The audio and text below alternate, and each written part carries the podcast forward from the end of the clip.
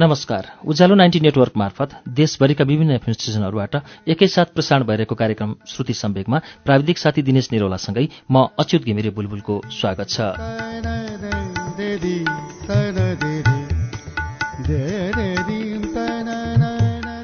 श्रुति सम्वेकको शुक्रबारको श्रृङ्खलामा हामी विगत केही सातादेखि सुबिन भट्टराईको उपन्यास समरलभको वाचन सुन्दै आएका छौं। हामी आज समरलभको सातौं श्रृङ्खला लिएर आएका छौं। छैठौं श्रृङ्खलासम्म हामीले सुन्यौं अतीत र सायाबीच फेरि भेट भएको छ। साया नर्वेबाट धनगढी आइपुगेकी छिन्। अतीत दिल्ली पुगेर सायालाई सँगै लिएर आएको छ। उनीहरू बिहा गर्ने तयारीमा छन्। अब के हुन्छ? सुनौ समरलभको सातौं श्रृङ्खला पृष्ठ एक सय बयालिसबाट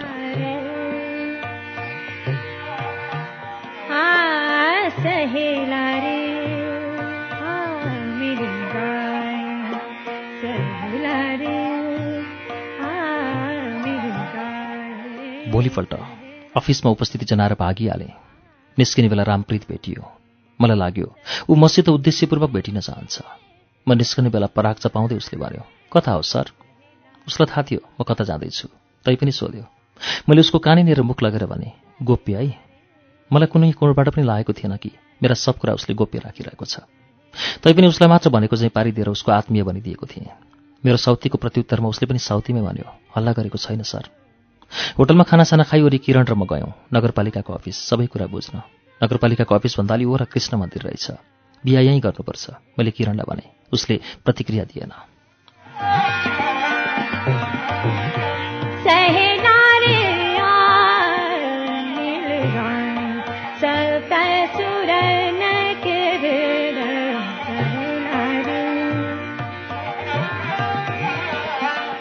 त्यहाँबाट नगरपालिकाको अफिसमा पुगेर पञ्चाधिकारीलाई भेट्यौँ। सर बिहा दर्ता गराउनुपर्ने मैले भने के के गर्नुपर्छ? नागरिकता ल्याछ उसले सोध्यो छ छ। मैले हतपत्त गोजीबाट नागरिकता झिक्न खोज्दै भने। त्यो दिन सक्दै उसले सोधिहाल्यो। अनि कन्या खोइ त? छैन। हडबडमा बस छैन मात्र भन्न सकेछु। कन्या बिना कसरी सम्भव हुन्छ बिहा? अलिक ठाडो बोलीमा उसले भन्यो। अनि किरणतिर हेर्दै भन्यो अनि उहाँको कि? केटा केटा बिहा गर्न लाग्नुभयो? त्यस्तो हुन्न नि यहाँ? वरपर उपस्थित तिन चारजना मान्छे उसको यो कुरा सुनेर मरिमरि हाँस्न लागे। हामी पनि हाँस्न थाल्यौँ। मैले तुरन्त केही नसोची भनिहालेँ। होइन सर अहिले बुझ्न मात्र आएको। कन्यालाई ल्याउँछु। ए उसले भन्यो। अनि मैले दिएको नागरिकता हेऱ्यो। सायाको नागरिकता नचाहिने रहेछ। मैले दिएको दुईटा नागरिकता मध्ये कन्याको नागरिकता उसले फिर्ता गर्यो।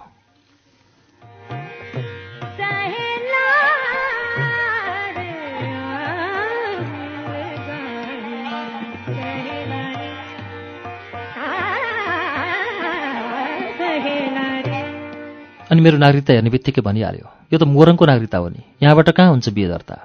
लौ खत्तम। मोरङ नै जानुपर्छ ऊ भनिरहेको थियो। केही गरे पनि मिल्दैन। किरणले सोध्यो कहाँ मिल्छ भाइ? उसले भन्यो यहाँको नागरिकता भए पो हुन्छ त। मलाई दिक्क लाग्यो। यही देशको नागरिक भएर पनि एउटा जिल्ला र अर्को जिल्ला। आफ्नो देशमा जहाँ बिहे दर्ता गरे पनि पाउनुपर्ने होइन र। खैर सरकारी काम होला भित्री कुरा केही प्रन्थनिँदै बाहिर निस्क्यौँ। किरणले भन्यो अलिअलि खुवाएर हुन्छ कि म सोधौँ? म केही बोलिनँ। किरण भित्रतिर लाग्यो र केही बेरमै फर्किहाल्यो पनि। नहुने नै रहेछ। उसले भन्यो बाटोमा हिँड्दा मलाई केही बोल्नै मन लागेन। रिक्सामा चढुन्जेल पनि म केही बोलिनँ। किरणले नै भन्यो मन्दिरमा मात्र गरे भइहाल्यो नि त। दर्ता किन गरिराख्नु पर्यो? पहिला म पनि यही सोच्थेँ। मैले भने तर पछि सायाले उसको थ्रुबाट नर्वेतिर जान मिल्छ जस्तो कुरा गरी त्यही भएर। किरण केही बोलेन। केही छिनमा हामी चढेको रिक्सा साथी होटेल अगाडि रोकिसकेको थियो।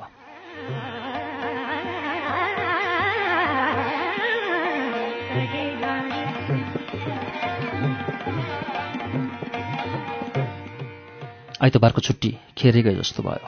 बिदा मागेर आइसकेपछि फेरि अफिसमा गएर मुख देखाउन मन लागेन। सबैले अर्को दिन मन्दिरमा बिहा गर्ने भनेर सल्लाह दिएका थिए। मन्दिरमा बिहा गरे पनि मैले के सोचेको थिएँ भने साथीहरूलाई बिदा दिइसकेपछि सायालाई विराटनगर लगेर भए पनि बिहा दर्ताको काम गर्ने। त्यस दिन केही काम नभएपछि केटीहरू फिल्म हेर्न जाउँ भन्न लागे। यसै होटलमा उगेर बस्नुभन्दा मलाई पनि त्यही उचित लाग्यो। तर बजारमा चलेको हिन्दी फिल्म उनीहरूले जम्मै हेरिसकेको बताए। अनि अन्त्यमा एउटा नेपाली फिल्म हेर्ने कुरामा सहमति जनाए। बाह्रदेखि तिनको सो हेर्ने गरी हलमा पसियो। तर फिल्म हेरिसक्नु थिएन। सबैजना हलमा फिल्म हेर्दै गर्दा केटी त्यति हाँसिरहेका थिए। कुनै पनि सम्वाद सहज थिएन। अभिनय नौटङ्की जस्तै थियो। अझ सबभन्दा कमेडी के भने उमेरले हजुरआमा हुने बेला भइसकेकी नायिका कलेज गर्लको रोल खेलिरहेकी थिए। सबैले मनोरञ्जन त पाए तर नाङ्गो मान्छे हेरेर पाएको मनोरञ्जन जस्तै थियो त्यो।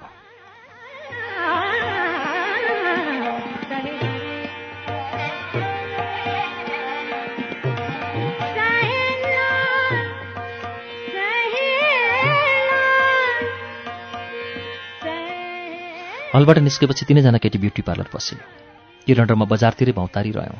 बिहा गर्न सपिङ पनि गर्नुपर्छ भन्ने कुराको चेतना सिनेमा हेरिसकेपछि आयो। त्यो पनि सिनेमामा एउटा बिहाको दृश्य भएर नभए भोलिपल्टलाई शास्ति हुन्थ्यो। बेल्स क्याफेमा खाजा खाँदै गर्दा के के किन्ने भनेर प्लान बन्यो। पानी परिरहेको थियो बाहिर फेरि निस्कने माहौल थिएन। रेस्टुरेन्टमै कफी खाँदै बसिरह्यौँ। फेरि पानी कसरी पर्थ्यो भने एक्कासी वात्तै आउँथ्यो अनि सडक पुरै जलमग्न बनाएर छाड्थ्यो।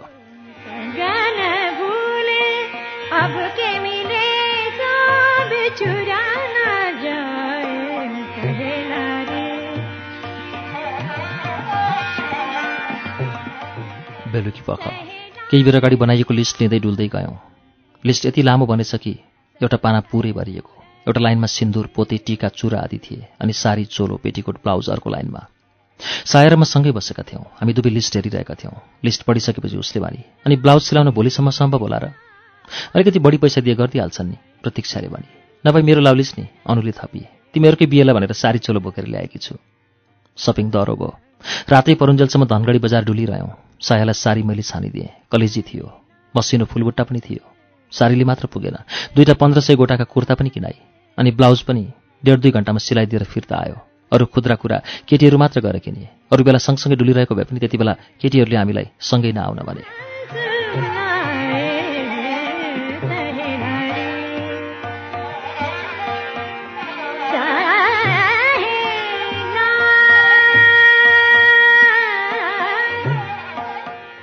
किरण र म होटलमा पस्यौँ।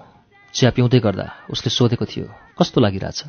एकदमै अजीब। मैले भने केटाकेटी बेलामा यसै गरी बिहा गरी खेलिन्थ्यो। धेरै त त्यस्तै लागिरहेको छ। ऊ मुसुक्क हाँस्यो मात्र। मैले नै फेरि भने तर यो त्यो बेला खेलिएको खेल जस्तै नहोस्। दुवैजना म्याच्योर छौ। त्यस्तो कसरी होला र? उसले भन्यो। दुवै परिवारको अनुमति छैन। केही खुन नहुँदै मैले भने डर त्यति मात्र हो। मातापिताको आशीर्वाद बिना यो सब अधुरो छ किरण। ऊ केही बोलेन। नर्वेदेखि साया बिहा गर्ने भनेर आउनु काठमाडौँदेखि साथीहरू धनगढीसम्म आउनु यो सब परिवेश धेरै नै रमाइलो लागिरहे पनि मन शान्त र ढुक्क थिएन। कता कता के नपुगे झैँ केही मिसिङ थियो।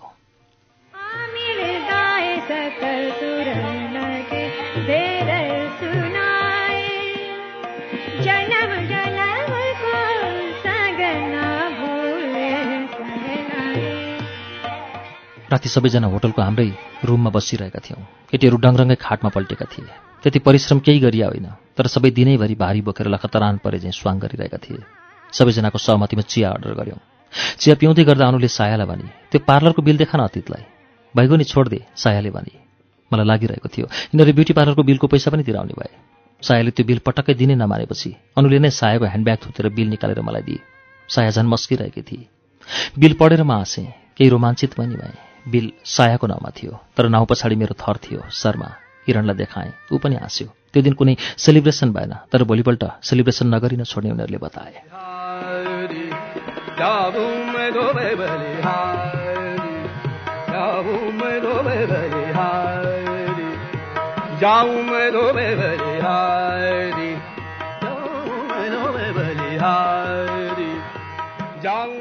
भोलिपल्ट बिहाको दिन सोमबार। अफिसमा हाजिर गरी मधुसूदनसँग अनुमति मागेर निस्केँ रामप्रीत भेटिएला भन्ने त्रास थियो तर त्यस दिन ऊ भेटिएन। सायद भेटिन चाहेन होला। नत्र यी आजकलका दिनहरूमा नजाने कहाँ कहाँबाट ऊ मुसो झैँ लुसुक्क लुसुक्क मेरै छेउबाट ओरदोर गरिरहेको हुन्थ्यो।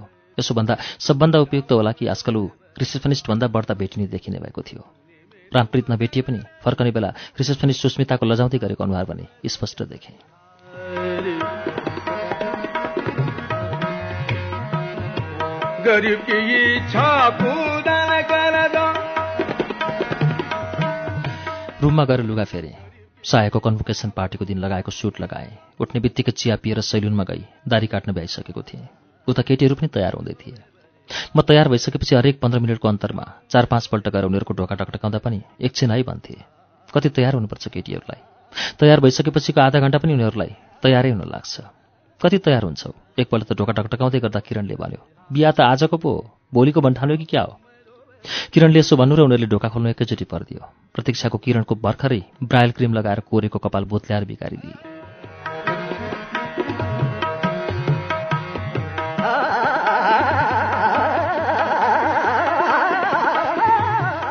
किरण फेरि कपाल कोर्न रुममा गयो। केटीहरू सबै निस्किए सब एक से एक। अनुहारभरि के के हो पोतेका। आँखा मुनतिर पनि निलो कलर थियो गाला रातो थियो शरीर पनि पुरै मगमग। तिनैजना सारीमा थिए। प्रतीक्षाले निलो सारी लगाएकी थिए। अनुले पहेँलो तिनैजनालाई देख्न साथ मैले भने बेहुली साया कि तिमीहरू? दुवैजना हाँसे हामी पनि उम्मेदवार त हौ नि प्रतीक्षाले भने तिमीहरू जस्ता उम्मेदवारलाई त कसैले पनि घाँस नहालुन्। किरणले प्रतीक्षासँग रिस पोख्दै भन्यो घाँस किन हाल्नु पर्यो? हामी त नन भेज पर्यौँ प्रतीक्षाले भने किरणले कुनै जवाफ दिएन। ढिलो भइसकेको थियो। सबैजना होटलबाट निस्क्यौँ। निस्कँदै गर्दा किरणले सायाको सम्पूर्ण पहिरो निहाल्दै भन्यो एउटा घुम्टो पनि भइदिए भए पुरै बेहुली देखिने रहेछ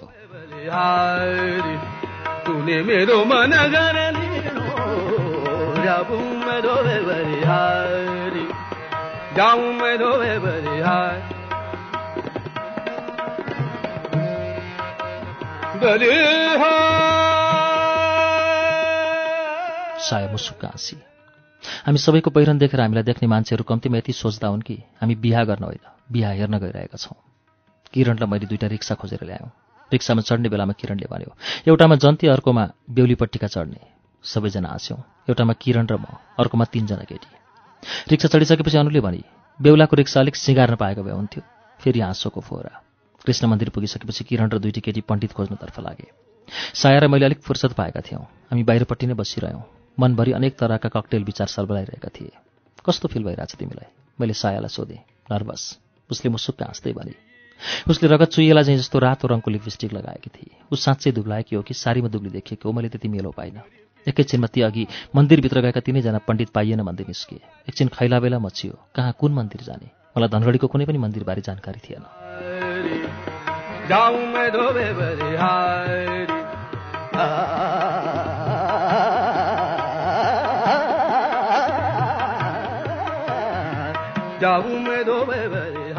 एउटा उपाय थियो। रामप्रीतलाई फोन गरेर सोध्ने। तर त्योभन्दा त बरु रिक्सावालालाई नै सोध्नु उचित ठाने। काम टन्टलापुर थियो। सबैको शरीर पसिनाले भिजेको थियो। लौ के गर्ने? हो छिटो गराउन भन्दै केटीहरू कराउन थालिसकेका थिए। तिनीहरूको बिजोग देखेर ठ्याक्कै पछाडिपट्टि रहेको रेस्टुरेन्टमा लगेर चिसो खुवाइदिए। एकछिनलाई उनीहरूको मुख टालियो।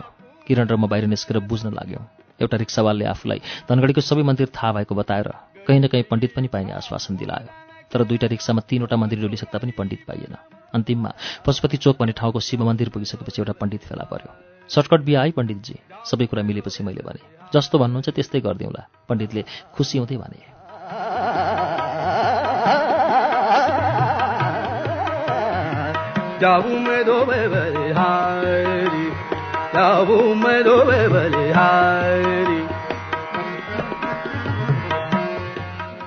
हाम्रो बिहा आरम्भ भयो। पण्डित केही मन्त्री पढ्न लागे। प्रतीक्षाहरू फोटो खिच्नमा व्यस्त भए। मन्दिरमा दर्शन गर्न आउनेहरू हामीलाई अनौठो पाराले हेरिरहेका थिए। तिनीहरूले त्यसरी हामीतिर नहेरिदिएको भए हुन्थ्यो जस्तो भइरहेको थियो लाजले मलाई। यसै मुख छोप्नु चाहिँ कतै लुक्नु चाहिँ लागिरहेको थियो। तर के गर्नु? मन्दिर सार्वजनिक थियो। जो पनि आउन सक्थ्यो जसले पनि हामीलाई हेर्न सक्थ्यो। औँठी लगाइदिएँ सिन्दुर लगाइदिएँ पोते लगाइदिएँ सायालाई पत्नी बनाएँ। वास्तवमै ऊ साया साक्य शर्मा भएकी थिए। मैले यही कुरा उसको कानमा खुच्चुक भने तिमी आजबाट साया शर्मा भयो। ऊ सक्दो हाँसी जम्बै दाँत देखाएर। ऊ प्रफुल्ल देखिन्थे। मुहारमा कतै चिन्ताको सानो धर्सोसम्म देखिन। कमसेकम त्यस क्षण।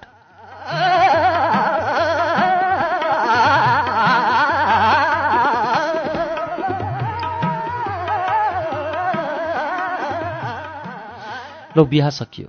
दस मिनटमै पण्डितले सबै कार्य सकिएको घोषणा गरे। मैले पण्डितको हातमा पाँच सयको नोट थमाइदिएँ। धेरै नै खुसी थिए पण्डित पनि। पैसा गोजीमा हाल्दै भने अब फोटोसोटो खिच्नुहोस्। फोटो सेसन सुरु भयो। हामी सबैले एकअर्कासँग फोटो खिच्यौँ। पण्डितसँग पनि चार पाँचवटा फोटो खिच्यौँ।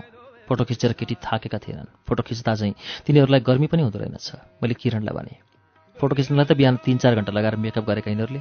किरणले भन्यो मलाई उसको कुरा आंशिक ठिक लाग्यो। आंशिक यस अर्थमा कि बाँकी चाहिँ उसले प्रतीक्षाले बिहान उसको कपाल बिगारिदिएकोमा रिस पोखिरहेको चाहिँ आवाज मिल्थ्यो। ए केटी हो गर्मी भएन? एकपल्ट त उनीहरूलाई यसो भनेर बोलाएँ पनि। क्या यार? प्रतीक्षाले भने तिम्रो बिहाको दिन हामीले फोटो खिच्न पनि नपाउनु। म चुप लागेँ। किरणले नै भन्यो मेरो सट्टामा बेहुलीपट्टिबाट आएका अरे गोडदुवा दिनु छैन फोकटमा खाएका छन् फोटो खिचेका छन्। तर उसले यो फोकटमा खाएका छन् भन्ने कुरा गरेको मलाई त्यति मन परेन। निन्तालुहरू हुन् आखिर सबै। त्यस्तै कुरा गर्ने हो भने त फोकटमा ऊ पनि खाइरहेको थियो नि।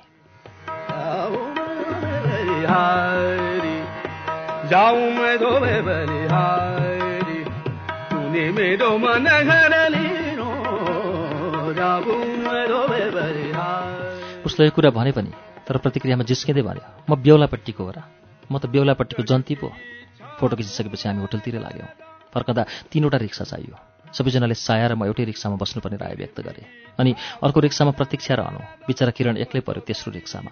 एकचोटि त मैले उनीहरूलाई भने पनि किरणलाई पनि तिमीहरूकै रिक्सामा ठाउँ दियो न। बिचरा एक्लै पर्यो।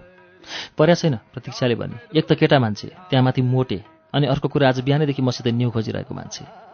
म मोटे कि आफू मोटी है हिप्पो किरणले भन्यो। अनि बिहान पहिला म सक्ने हुँ कि आफू? नकरा न हिप्पो सायाले यसो भनिसकेपछि जिब्रो टोकी मेरो बिहाको दिन के झगडा गरिरहन्छौ? भने। प्रतीक्षा सायातर्फ आँखा तरिरहेकी थिए तर उसको एउटा बानी राम्रो थियो। ऊ धेरै बेर रिसाउँथेन रिस मरिसकेपछि हाम्रोभन्दा अघि गइरहेको उसको रिक्साबाट पछाडि फर्केर दुई चार स्न्याप हानिहाली। होटलमा पुगिसकेपछि पनि फोटो खिच्न पुगिसकेको थिएन उनीहरूलाई। बगैँचादेखि रिसेप्सनसम्म खिचे करिडोरदेखि रुमसम्म खिचे कसैले आपत्ति नजनाउने हो भने टोयलेट पनि छोड्दैनथे कि फोटो खिच्न।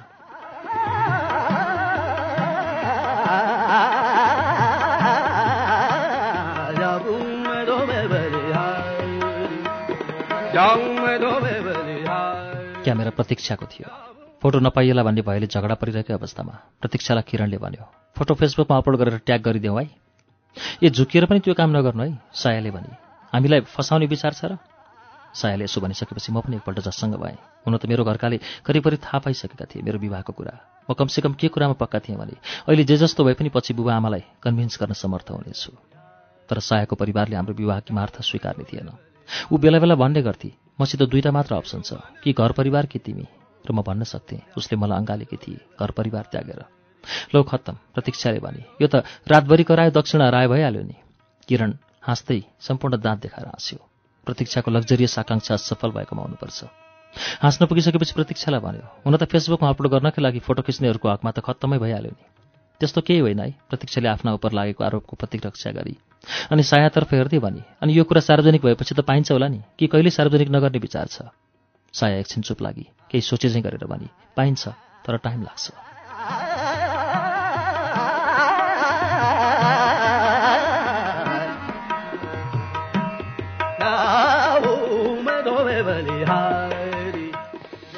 त्यस दिन साँझ सेलिब्रेसन भयो।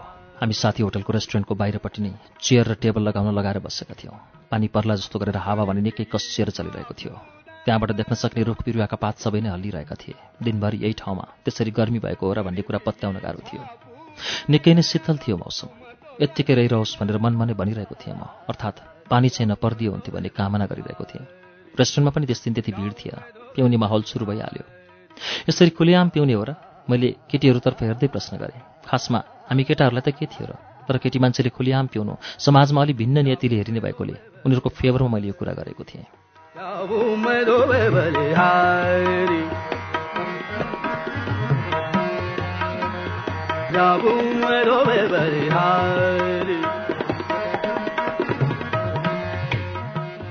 के हुन्छ र? प्रतीक्षाले नै भने यहाँ हामीलाई कसले चिन्छ र? कुरा त ठिकै हो। म त्यहाँ नयाँ भएकाले कसैले चिन्दैनथे यो हुन सक्थ्यो कि यदि त्यस दिन त्यहाँ देखेको मान्छे फेरि पनि मसित धनगढीमै भेट भएको खण्डमा? तपाईँलाई मैले कहीँ देखेको भन्न सक्थ्यो। तर प्रतीक्षाहरू यस ठाउँमा जीवनमै पहिलोपल्ट आइरहेका थिए। कसले चिन्थ्यो र? झन् त्यस दिनको हाम्रो सेलिब्रेसन अन्तिम थियो। अर्थात् भोलिपल्ट सबैजना काठमाडौँको लागि प्रस्थान गर्दै थिए। बिहा सकिहाल्यो। अब काम नै के रहेर? उनीहरूको तर्क थियो। आज बौलाउने गरी पिउँछु। प्रतीक्षा मैले आफ्नो गिलासमा वाइन हाल्ने क्रममा यसो भन्दै थिएँ। योभन्दा कति बौलाउँछौ? किरणले मौका पाएको बेला किन छोड्थ्यो र? तेरो के खाछु र तिमीबाट तमा उत्रि एकैपल्ट हो। उसलाई त्यस दिन निकै लागेको थियो। आँखा राता राता थिए। स्थिति अलिक असहज हुन लाग्यो कि जस्तो लाग्यो। दुवैजनालाई मिल्ने गरी भने तिमीहरू कति झगडा गर्छौ यार? भेट भयो कि कुकुर र बिराला जस्ता? प्रतीक्षा हाँस्न लागि। सबैजना उसैलाई हेर्न लाग्यौँ। किरण पनि चुपचाप बसिरहेको थियो। अर्थात् प्रतिरक्षामा उत्रिहाल्ला जस्तो थिएन। एकछिनमा प्रतीक्षाले नै भने झगडा किन गर्छु म किरणसित? थाहा छ? कोही केही बोलिरहेको थिएन। सब चुपचाप उसको अनुहारमा फोकस गरिरहेका थियौँ। किरण पनि आँखै नजिम्काइ उसैलाई हेरिरहेको थियो। उसले के भन्न आँटेकी हो भनेर सबैलाई उत्सुकता थियो।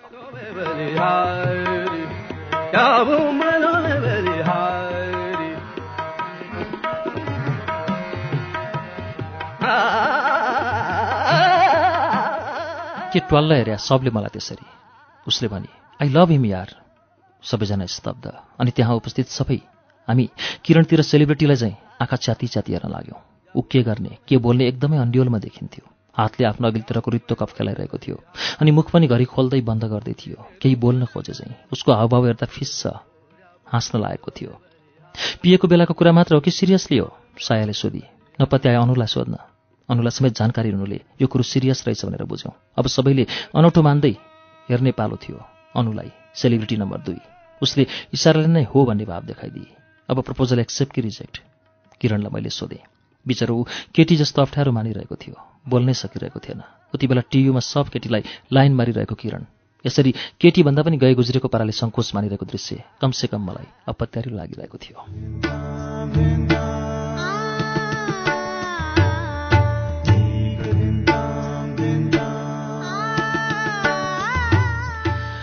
कार्यक्रम श्रुति सम्वेकमा अहिले तपाईँले सुनिरहेको वाचन सुबिन भट्टराईको उपन्यास समर लभको वाचन हो। यसको बाँकी अंश केही बेरमा वाचन हुनेछ। उज्यालो सुन्दै गर्नुहोला।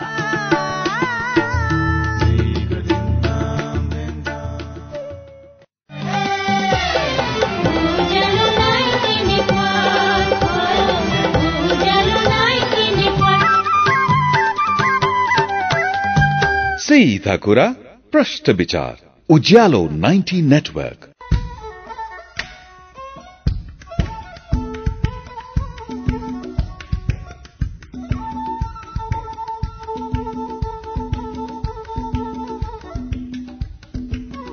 कार्यक्रम श्रुति सम्वेकमा पुनः स्वागत छ। तपाईँ अहिले उज्यालो नाइन्टी नेटवर्क काठमाडौँसँगै देशभरिका विभिन्न एफएम एकैसाथ कार्यक्रम श्रुति सम्वेक सुनिरहनु भएको छ। श्रुति सम्वेकमा हामी आज सुबिन भट्टराईको उपन्यास समरलभको वाचन सुनिरहेका छौं। अब यसको बाँकी अंश वाचन सुनौ।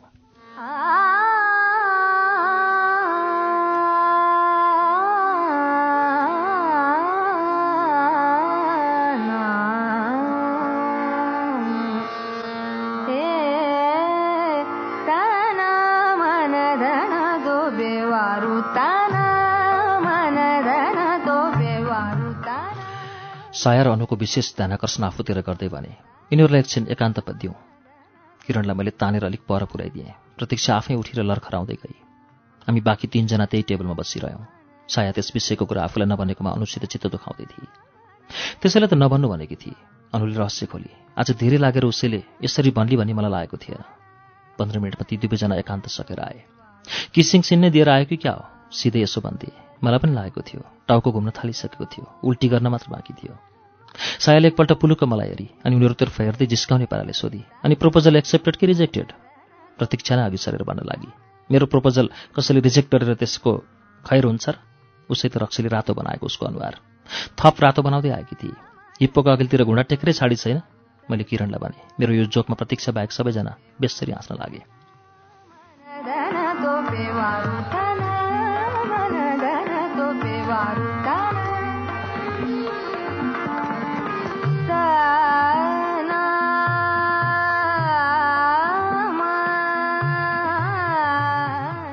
सबैजना जोडी जोडी अब म पो पुरै कार्टुन भए हुने भए त। यत्रो बेरसम्म आफ्नै सिटमा मूर्तिवाद बसिरहेकी अनुले बानी अघिदेखि भमिट जबरजस्ती रोकेर बसिरहेको म। अब उठेर एउटा कुनामा गएर खाएको जति सबै निकाल्न लागे। साला रक्सी भन्ने चिज मेरो शरीरमा टिक्नै मान्दैन। उता प्रतीक्षा र किरणलाई यही रक्सीले जोडी बनाइदिएको थियो। कसैलाई ऋणै ऋणमा डुबाइदिन्छ रक्सी। कसैलाई जीवनभर नबिर्सिने गुण लगाइदिन्छ रक्सी। तर जे जस्तो भए पनि अब मलाई बानी परिसक्यो। रक्सी पिउन होइन। रक्सी पिएर भमिट गर्न।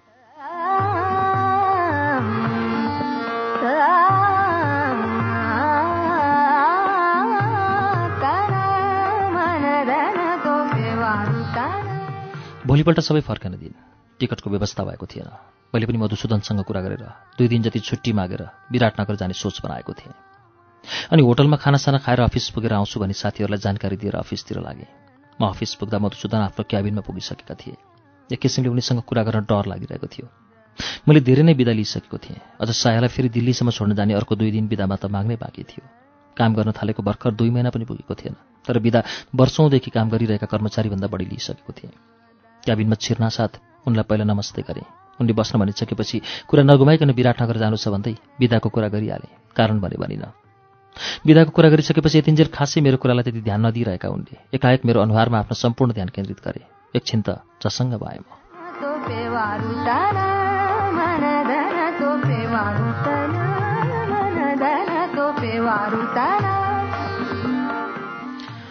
उनले भने साँच्ची तिम्रो बिहा भइरहेछ भन्ने सुनेको थिएँ। रामप्रीतले हल्ला गरेरै छाडेछ। भन्न कर लागिहाल्यो। मैले विवाह गरेँ। उनले हाँस्दै भने ठिक छ जाऊ। बरु अफिसको गाडी काठमाडौँ जाँदैछ पुरै खाली। एक दिनको मात्र काम हो भने विराटनगरै लैजाऊ। एकै दिनको काम हो सर। ठिक छ। एक दिनको काम हो भने जाऊ मधुसूदनले भने। भरेको नाइटले हिँड्यो भने भोलि बिहान पुगिहाल्छौ। भोलि दिनभरि ड्राइभरलाई सुत्न दिएर फेरि पर्सि बिहानसम्म उसलाई काठमाडौँ पुग्ने वातावरण मिलाइदिनु। के चाहियो? बिदै देलान् कि नदेलान् भन्दै डराउँदै गएको मान्छे। गाडीकै प्रबन्ध गरिदियो उनले। तर मान्छेको जात सधैँ असन्तोषी। औँला दिँदा डुनु ननिल्ने नियत पनि त्यतिखेरै पलाइहाल्यो। उनको मुडको सम्पूर्ण अध्ययन गरेर होला। मलाई पनि थप आँट आएको थियो। त्यसो त उनी रिसाउने वा हाकिमगिरी देखाउने खालका मान्छे थिएनन्। तर पनि हाकिम भनिसकेपछि हुन्छ नि एउटा स्वाभाविक डर। त्यो कहाँ कहाँबाट आइहाल्ने? सायालाई दिल्ली पुर्याउन जाने छुट्टी पनि त्यति बेलै मागिहालेँ। एक किसिमले भनौँ न थोकमै बिदा मागिरहेको थिएँ।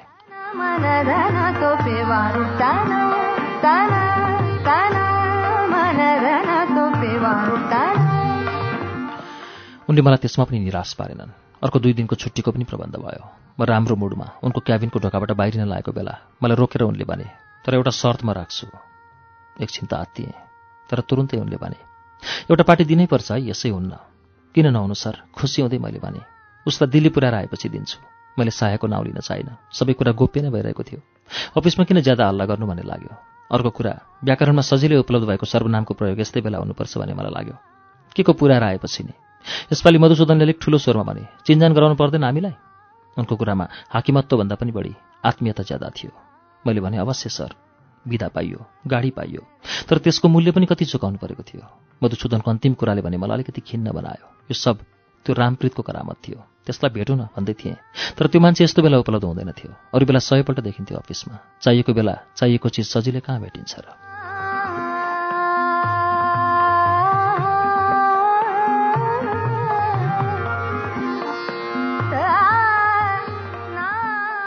पाँचैजना विराटनगर जाने भयो। फर्कदा नारायणघाटबाट म सायालाई लिएर धनगढी फर्किने। अनि उनीहरूलाई त्यही गाडीमा काठमाडौँ पठाइदिने प्लान मैले होटल पुग्नु अघि बाटैमा बनाइसकेको थिएँ। सुनेर उनीहरू धेरै नै खुसी भए। होटलबाट चेकआउट हुनु थियो। रिसेप्सनमा गएर हिसाब गर्दै थिएँ। उनीहरू पछाडिपट्टि गाई गाई गुई गुई गर्दै थिए। पैसा नपुगेको खण्डमा सायालाई तिराउने योजना थियो। उसले पनि जाने आउने टिकट बाहेक बिस पच्चिस हजार ल्याएकी थिए। नर्वीमा हरेक दुई दुई महिनामा एकपल्ट दिँदो रहेछ। स्कलरसिपको पैसा। त्यो दुई महिनामा दिने पैसा पहिलो महिनामै पाएकी रहेछ। मैले पनि पहिलो महिनाको तलब थापिसकेको थिएँ। त्यसैले पैसाको खासै समस्या थिएन। हिसाब निस्केको थियो चौध हजार पाँच सय। मैले नै तिरेँ। हामीलाई लिन गाडी अफिसमै आयो। चारैजनालाई पछाडिको सिटमा बसाएर आफू ड्राइभर छेउको सिटमा बसेँ। मन त थियो त्यहाँ अनुलाई बसाउँ। पछाडि हाम्रो दुईजोटा जोडी बसेको भए अलिअलि एडभान्टेज लिन पाउँथेँ।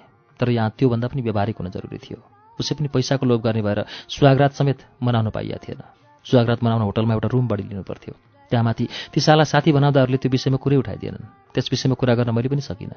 त्यहाँमाथि भर्खरै बनेको नयाँ जोडीका अघितिर हाम्रो जोडी ओझेलमा पर्यो।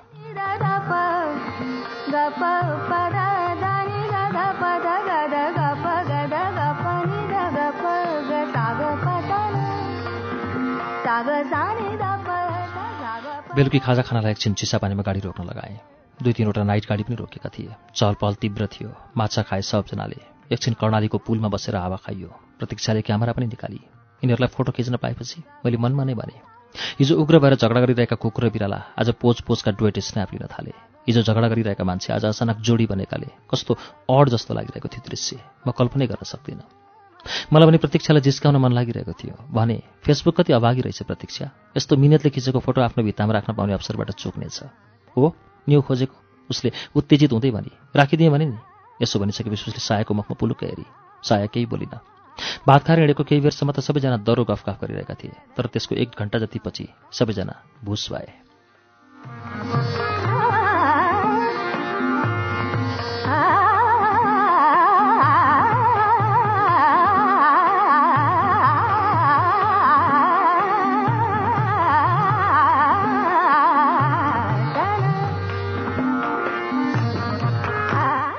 अर्को दिनभरिमा विवाह दर्ताको काम जसरी पनि सक्नु थियो। दस पनि नबज्दै नगरपालिकाको अफिसमा गएर ढुक्यौँ करिब एघारै बजी काम सकियो। केटीको नागरिकता नचाहिने नै रहेछ। अझ साक्षीको कुरा गर्थे त्यसको पनि कुनै औचित्य नै रहेनछ। बिहा दर्ता गर्नु वास्तवमा ठुलो काम नै रहेनछ। प्रमाणपत्र बोकेर हामी विराटनगरबाट फिर्ता आयौँ। नारायणगढमा आइपुग्दा साँझ झमक्क परिसकेको थियो। उनीहरूको गाडी काठमाडौँ पुग्दा रात पर्ने देखेर ड्राइभरलाई उनीहरूको घर घरमा छाडिदिन भने। नारायण नारायणघाटमा छुट्टिने बेला दृश्य निकै हृदय विदारक थियो। हामीलाई शब्दले त्यति साथ दिइरहेको थिएन। सबको आँखा स्पष्ट थिए। मुटुभरिको भाव प्रस्तुत गर्नलाई साया भनिरहेकी थिए। लौ त थ्याङ्क्स फर कमिङ प्रतीक्षा गहभरि आँसु लिएर भनेकी थिए। अब कहिले भेट हुन्छ साया? खोइ साया पनि आँखाभरि आँसु टिलपिल टिलपिल पार्दै रुन्चे बोलीमा भनिरहेकी थिए। हेरौँ समयले जुराएछ भने चाँडै भेट होला नि। अनु रुमालले मुखै छोपेर रोइरहेकी थिए। किरण पनि मौन थियो। मैले स्थितिलाई अलिक सहज बनाउने हेतुले भने अब प्रतीक्षा र किरणको बिहामा भेट भइहाल्छ नि। सबैजना गहभरि आँसु भएकै अवस्थामा हाँसे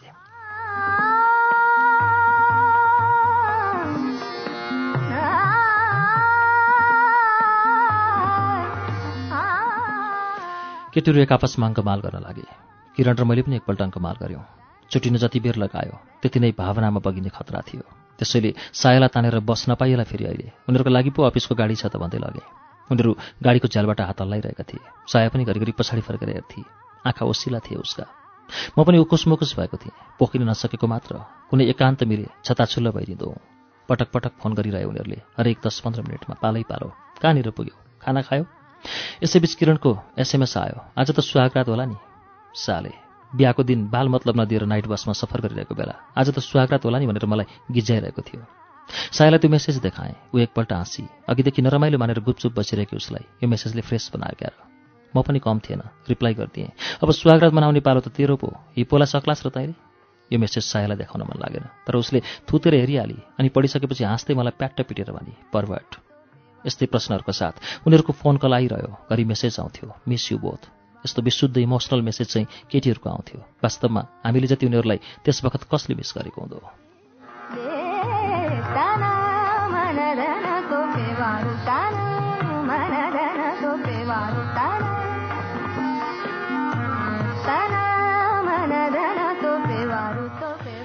कति चाँडै बित्छ समय। फेरि दिल्ली जाने बेला आइसकेको थियो। धनगढी आइपुग्दा बिहिबार भइसकेको थियो। शुक्रबार धनगढीबाट नहिँडे शनिबार बेलुकाको फ्लाइट उभ्याउन थिए। त्यसैले उसँग बिताउनलाई एउटा सिङ्गो दिन र रात थियो तर त्यो पुरा पनि कहाँ थियो र? धेरै दिनदेखि अफिसमा गयल भएको थिएँ। अफिस जानु नै थियो।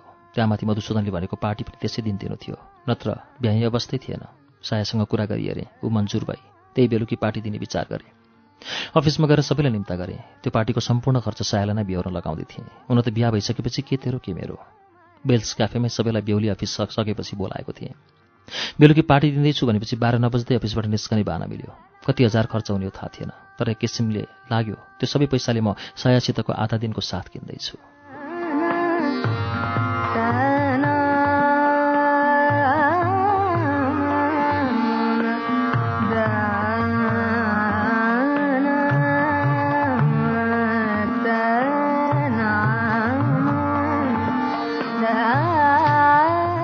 कोठामा पुग्दा साया मस्तसित पङ्खाको हावा खाँदै खाटमा पल्टिराखेकी थिए।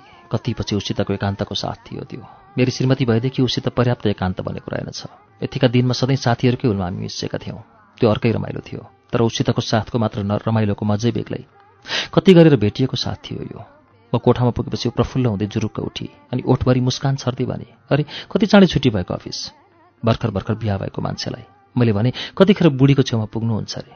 कसले भनेको? उसले आँखा च्यात्दै सोधी विवाहितहरूको कुरा नि मैले सहज पारामा भने। कति बजे बोलायो त स्टाफहरूलाई? अफिसपछि साढे पाँचतिर अनि उसको प्याखुरामा च्याप्प समातेर आफूतिर ताने। सायाले भने यस्तो नियत रहेछ र पो चाँडै भागेर आएको। ऊ मभन्दा अलिक पर भागिसकेकी थिए। म आश्चर्य मानेर उसलाई हेरिरहेको थिएँ। कुनै मौखिक प्रश्न नगरे पनि मेरो आँखा यथेष्ट थिए। म सायालाई प्रश्न गरिरहेको थिएँ भन्ने बुझ्नलाई। उसले पनि विलम्ब नगरी भन्थे नहुने भयो तुरुन्तै कुरो बुझिन। के नहुने भयो किन? मतलब असिनाजी बर्चिरहेको मेरा प्रश्नको श्रृङ्खलाको उसले फेरि त्यस्तै नबुझिने उत्तर दिए। वानी बुझेन यार। म लाटो मान्छे अझै बुझ्न सकिनँ। ट्वाल्ल उसैलाई हेरिरहेको थिएँ। मैले नबुझेको उसले बुझी। भनी पिरियड भयो क्या? ला खत्तम। मुखबाट एक्कासी फुत्किहाल्यो। अब सुहागरात? के को सुहागरात नि? उसले भने खास र सुहागरातको टाइममा मतलब गरेनौ? के गर्ने? त्यो बेला के के भयो के के भयो मैले भने। पहिला चाहिँ सम्झेर बस्ने। उसले भने उसै पनि पिरियडको बेला कम्ती दुख्दैन। छाडिदेऊ। यति धेरै प्रेम छ कि जीवनभर तिमीसित बिना सेक्स बिताउन तयार छु। मलाई भन्न मन थियो तर परिवेश अलिक भिन्न मुडको थियो।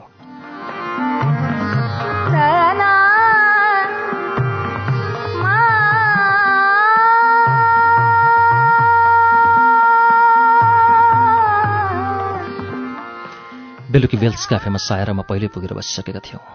उसले त्यस दिन मैले धनगढी बजारमा किनिदिएको निलो अम्ब्रेला कुर्ता सुरा लगाएकी थिएँ। म पनि अलिक फर्मल ड्रेसमै थिएँ खास गरी मधुसूदनको उपस्थितिलाई लिएर। हामीले आफ्नो पहिरनलाई अलिक ध्यान दिएका थियौँ। आधा घन्टा जति अघि रेस्टुरेन्टमा पुगेर हामी आठजनाको टेबल तयार पार्न लगायौँ। मधुसूदन रामप्रीत उपेन्द्र सुस्मिता बलबहादुर र अर्को नेत्र अफिसका भइहाले बाँकी हामी दुईजना। तर बलबहादुर किन हो आएनन्? पिउन भएर हाकिमहरूसित बसेर खान अलिक अप्ठ्यारो माने होला भन्ने ठाने अरू स्टाफहरूको तर्क थियो। मलाई पनि त्यस्तै लाग्यो। त्यहाँ आए जति सबैले पिए। सुस्मिताले पनि एक बोतल बियर खाई। ऊ यस्तरी लजाउँथे कि मलाई लागेको थिएन। ऊ बियर खान तयार हुनेछ। सुरुमा खाना खान पनि भन्दै थिए। सायद लोकाचार थियो। तर मानाचार खाए कि भन्न खोज्या होइन। सायले निकै कर गरेर खुवाएकी हो एक बोतल सकी। तर लजाउन भने एक इन्च पनि छाडेकी होइन। सामुन्यमा मधुसूदन भएर होला। मलाई त्यहाँ बितेका प्रत्येक पल भारी लागिरहेको थियो। जेबे पनि हाकिम भनेपछि अर्कै माहौल भइहाल्ने।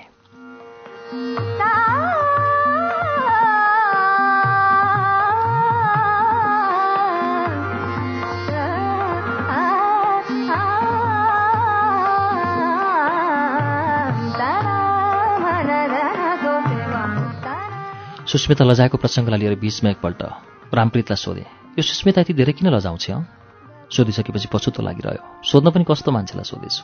भोलि पुरै अफिसमा मैले गरेका प्रश्नबारे हल्ला गरिदेला भन्ने भएले बेकार भनेछु जस्तो लाग्यो। लजाउने बानी त उसको पुरानै हो तर यो कुरा त हजुरलाई नै ज्यादा थाहा हुनुपर्ने होला नि होइन र? उसले भन्यो। उसले मुखमा पराग हालेको थिएन रक्सी जो खाइरहेको थियो तर पनि उसको बोल्ने शैली उही मुखमा पराग हाल्दाखेरिको भन्दा अलिकति पनि भिन्न थिएन। उसको त्यो प्रश्नले म एकछिन त आश्चर्यचकित नै भएँ सोधेँ किन? ल सर पनि उसले भन्यो छिमेकी भएर पनि कस्तो थाहा नभएको? उसको कुराबाट थाहा पाइयो सुस्मिता मेरै छिमेकी रहेछ। म बसेको ठिक अगाडिपट्टिको एक तले घर उसैको रहेछ तर एक महिनामा उसलाई एकपल्ट पनि देखा भए मार्दिनँ। तर सुस्मिताले त भन्थे म हजुरलाई देखिरहन्छु। रामप्रीतले मेरो कानैमा आएर साउती जस्तो स्वरमा खुसुक्क भन्यो मैले नै त्यसो गर्नु भनेको थिएँ अझ। एउटी मामुली रिसेप्सनिस्टको लजाउने बानीका बारेमा एउटा नवविवाहित मान्छेले खुलेआम चर्चा गर्नु ठिक पनि त थिएन तैपनि आफूलाई थाम्नै सकिनँ। फेरि एक अन्तिम प्रश्न रामप्रीतलाई सोधिहालेँ। यो सबैसँग उत्तिकै लजाउँछे? सबैसँग होइन। ग्लासमा भएको अलिकति रक्सी घुटुक्क पार्थे उसले भन्यो। नयाँ मान्छेसित धेरै लजाउँछे। पछि पछि त्यो पुरानो हुँदै गइसकेपछि त्यस्तो गर्दिनँ।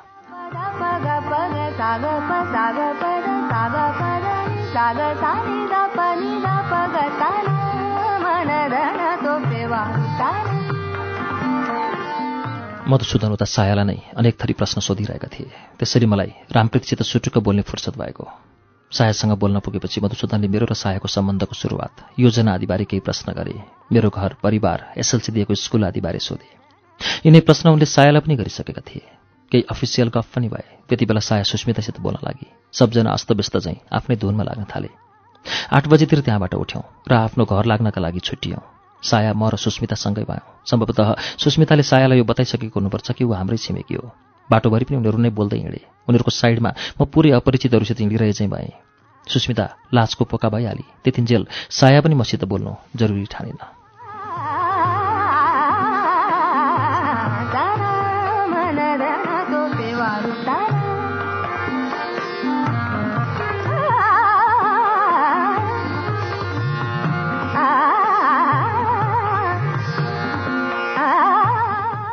हाम्रो घर लिएर आएपछि सुस्मिताले सायालाई भने लौ त दिदी गएँ। अनि चोरी आउनाले आफ्नो घर देखाई र मतिर पनि अलिक छड्के आँखाले हेर्दै सानो कसरी नसुने चाहिँ आवाजमा भने हवस् सर गएँ। ऊ मसित यति बोली जस्तो लागेको थिएन। जे होस् बोली। अफिसमा मुस्किलले एक दुईपल्ट मात्र बोलेको होउँला हामी। त्यो पनि नितान्त अफिसियल कुरा मात्र। यहाँ उसले मलाई हवस् सर गएँ भन्नु पनि ठुलै अनौपचारिक कुरा चाहिँ लाग्यो मलाई। त्यसो भन्दा ऊ अघि पछि भन्दा कम लजाएकी थिए। भोलिपल्ट त्यो दिनलाई म कसरी व्याख्या गरौँ? सायालाई दिल्ली एयरपोर्टमा छोड्न जानु थियो। करिब आठ दिनको उसको बसाइमा ढुक्कले उसित ठिकठाक आँखा जुधाउनसम्म पाइया पनि होइन। प्रेमी प्रेमिकाका लागि योभन्दा विडम्बनाहरू केही होला। अझ हामी त भर्खर विवाहित।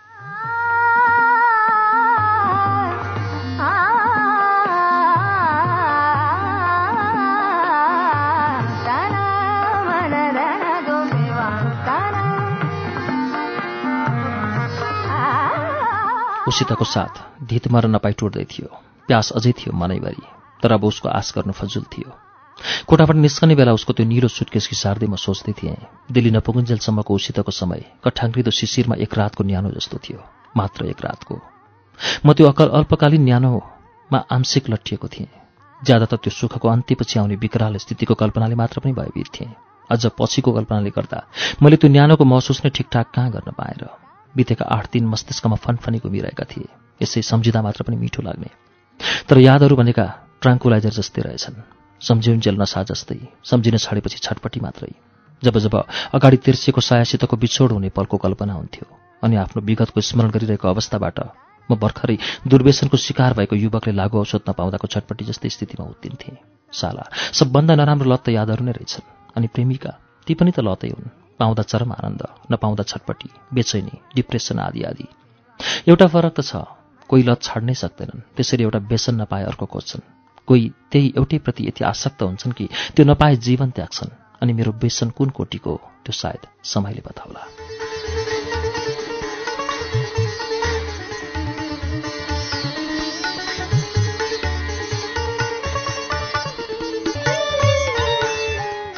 श्रुति सम्वेकमा यतिन्जेल तपाईँ।